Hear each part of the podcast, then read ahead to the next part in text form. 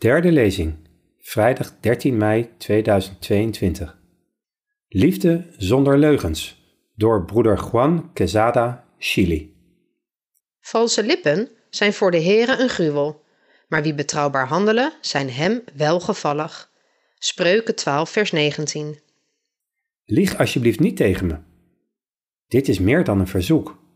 Dit is een smeekbede die voortkomt uit het hart van een persoon die niet gekwetst wil worden.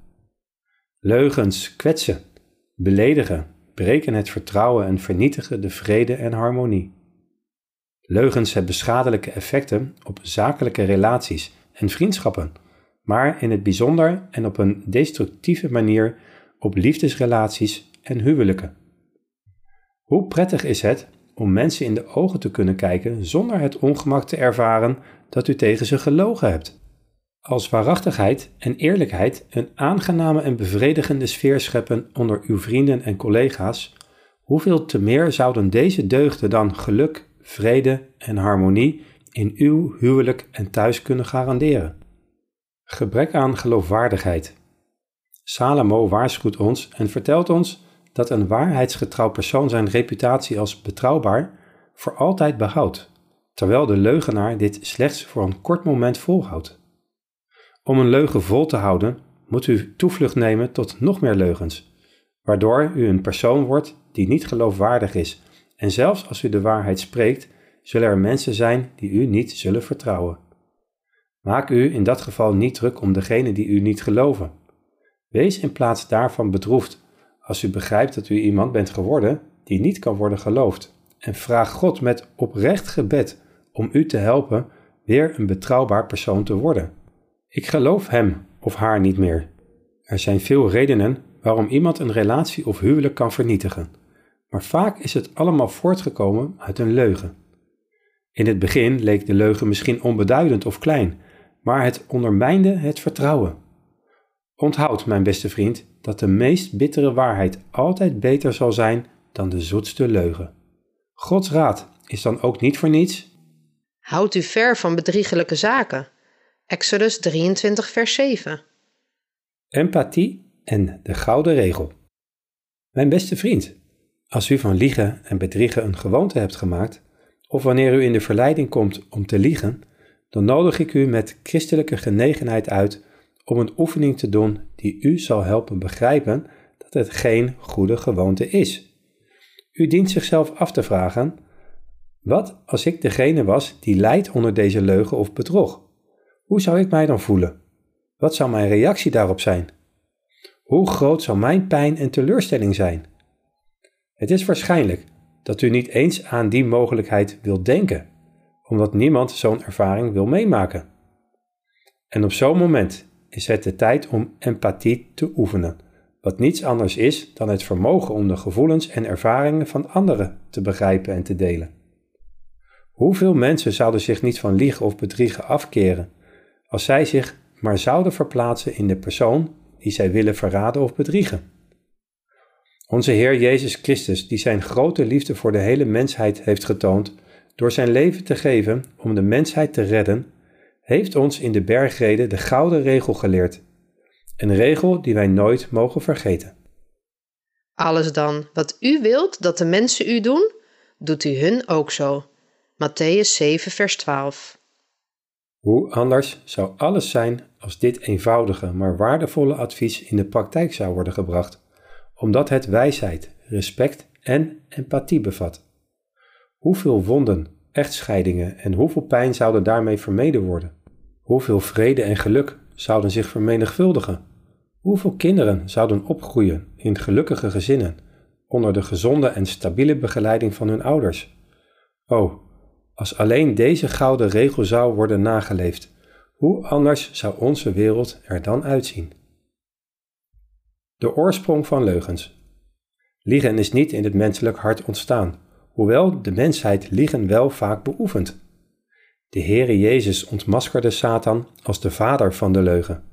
U bent uit uw vader de duivel en wilt de begeerte van uw vader doen. Die was een mensenmoordenaar van het begin af en staat niet in de waarheid, want er is in hem geen waarheid. Wanneer hij de leugen spreekt, spreekt hij vanuit wat van hemzelf is, want hij is een leugenaar en de vader van de leugen. Johannes 8, vers 44. Uit deze uitspraak kunnen we opmaken dat wie liegt een zoon en volgeling van Satan wordt, die Jezus bestempelt als de vader en aanstichter van de leugen. Leugens en hun gevolgen. Het Gleiwitz-incident. In de nacht van 31 augustus 1939 voerden nazi-leiders wat bekend staat als een montage uit, de valse vlag, toen ze een Poolse aanval op het Duitse radiostation Gleiwitz simuleerden. Dit werd gedaan door het gebruik van gevangenen en onschuldige mensen die zij voorstelden als Poolse soldaten die het Duitse radiostation aanvielen. Mensen die zij later vermoordden. De volgende dag brak de bloedige Tweede Wereldoorlog uit, die aan meer dan 70 miljoen mensen het leven kostte. De aanval op het radiostation in Gleiwitz was een leugen geweest tegen een zeer hoge prijs. In het algemeen zijn de gevolgen van een leugen niet meetbaar. Maar hoe klein de leugen ook is, de resultaten ervan zullen altijd betreurenswaardig zijn.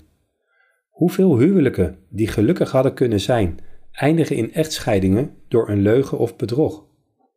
Hoeveel mensen hebben een einde aan hun leven gemaakt omdat ze niet konden of niet wisten hoe ze met de pijn van verraad of leugen om moesten gaan?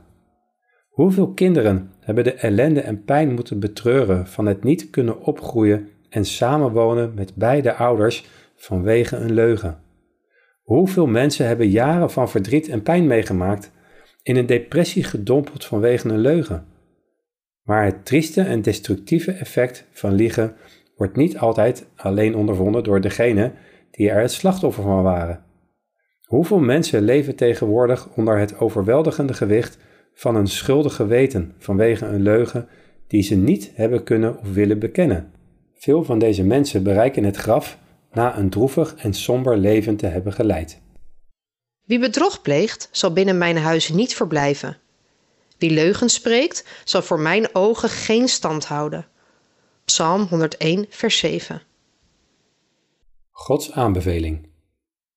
Verder, broeders, al wat waar is, al wat eerbaar is, al wat rechtvaardig is, al wat rein is, al wat lieflijk is, al wat welluidend is, als er enige deugd is en als er iets prijzenswaardig is, bedenk dat.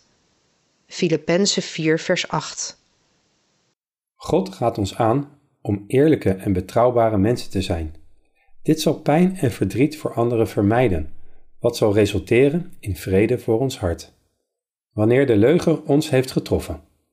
Ik ben er zeker van dat u op een bepaald moment in uw leven bent getroffen door een leugen of bedrog in een van zijn vormen.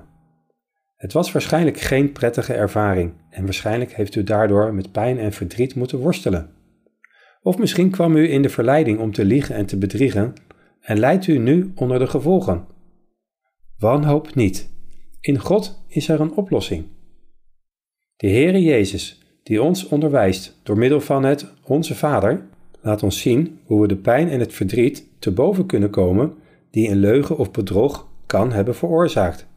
En hoe we de vrede kunnen herstellen en herwinnen die verloren is gegaan door de fouten en leugens die we hebben bedreven. Met alle ijver moeten we verzoening zoeken met onze medemensen, vooral met onze echtgenoot en met God. Jezus raadt ons aan in onze gebeden en in onze praktijk de volgende zinsnede op te nemen die vrede en verzoening inhoudt. En vergeef ons onze schulden, zoals ook wij onze schuldenaren vergeven. Matthäus 6, vers 12. Wat een grote vrede kan er worden bereikt Hoeveel verzoeningen kunnen er worden bewerkstelligd? Hoeveel gezinnen kunnen worden herbouwd? Hoeveel kinderen kunnen de vreugde ervaren om hun ouders weer in harmonie te zien als we acht slaan op deze raad van degene die liefde is en vriendelijkheid? Ten eerste leert Jezus ons dat we onze fouten en zonden moeten erkennen toen hij sprak: Vergeef ons onze schulden. Natuurlijk is dit niet eenvoudig, maar het is noodzakelijk het vermogen om vergeving te vragen en een nederige houding aan te nemen is niet natuurlijk voor het menselijke hart. Maar God kan en zal het u geven, als u hem daarom vraagt. Maar het is niet genoeg om alleen vergeving te vragen als we hebben gelogen of iemand hebben verraden. Jezus leert ons ook dat we bereid moeten zijn om degene te vergeven die ons beledigen of die ons pijn en verdriet hebben bezorgd door een leugen of een verraad. Het vermogen om te vergeven is niet bekend in het menselijke hart. In plaats daarvan koesteren wij wrok, woede en wraak, wat ons alleen nog meer schade berokkent. In plaats van de problemen op te lossen, storten we ons in grotere angst en lijden, die gemakkelijk lichamelijke en psychische ziekte kunnen veroorzaken. Een blij hart bevordert de genezing, maar een neerslachtige geest doet de beenden verdorren. Spreuken 17, vers 22. We moeten God vragen om ons het vermogen te geven om te vergeven, net zoals Hij ons vergeeft.